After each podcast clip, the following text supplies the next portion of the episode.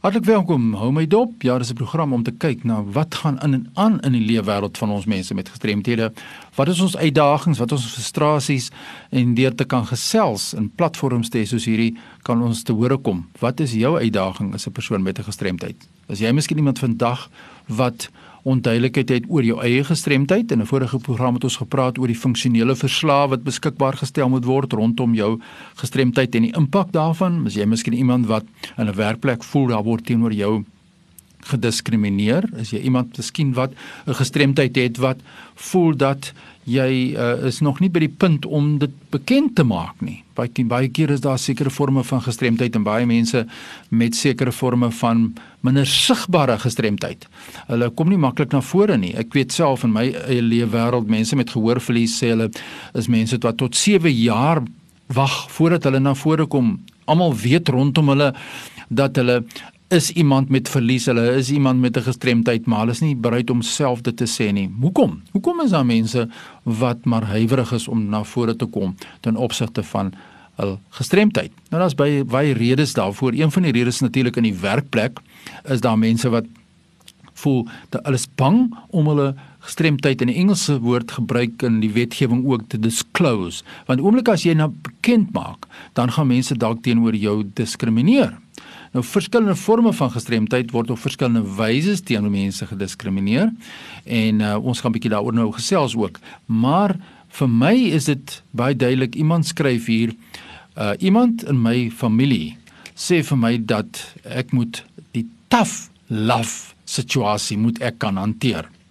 En wat beteken 'n tough love attitude wanneer ons praat teenoor mense met verlies of mense met 'n gestremdheid? En my opinie as ons voor ons gaan kyk na die tough love benadering wat mense soms volg teenoor mense met gestremthede, kan ek net onomwonde sê dat so 'n benadering kan negatief inwerk op die persoon se selfbeeld en sy eie selfwaarde.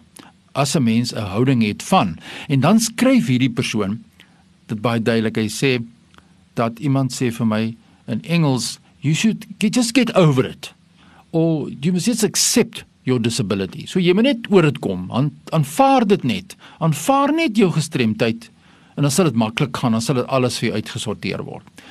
Maar wat baie belangrik is wat ons moet onthou. Iemand het 'n verlies. In Engels praat ons van die woord impairment. Nou as 'n mens 'n impairment het, 'n fisiese impairment of 'n psigososiale impairment soos depressie of bipolêr of iemand het gehoorverlies, dat jy het daardie verlies. Dit het niks eintlik te doen met gestremdheid nie. So as jy vir iemand sê kom oor jou gestremdheid, aanvaar jou gestremdheid. Wat sê 'n mens eintlik vir iemand as jy vir iemand vra kom oor daai gestremdheid? Jy sê vir iemand aanvaar iets wat buite jou gebeur wat jou weerhou om toegang te hê tot 'n gelyke geleentheid. So kom ons neem nou praktiese voorbeeld. As jy vir my sê ek moet my gestremdheid aanvaar, dan sê jy vir my aanvaar die feit as ek in 'n rolstoel is dat ek maar na 'n plek toe kan gaan, daar nie 'n oprit is nie, maar daar's 'n stel trappe. Gestremdheid in die Engels sê dit so baie duidelik in die Witskrif disability is a evolving concept imposed by society. Met ander woorde, dit word op die society van buite af het tot gevolg dat die persoon met 'n gestremdheid uitgesluit word. So dis nie die persoon wat 'n probleem het wat 'n parapleeg is nie. Die probleem lê by die gemeenskap wat nie toeganklik is nie.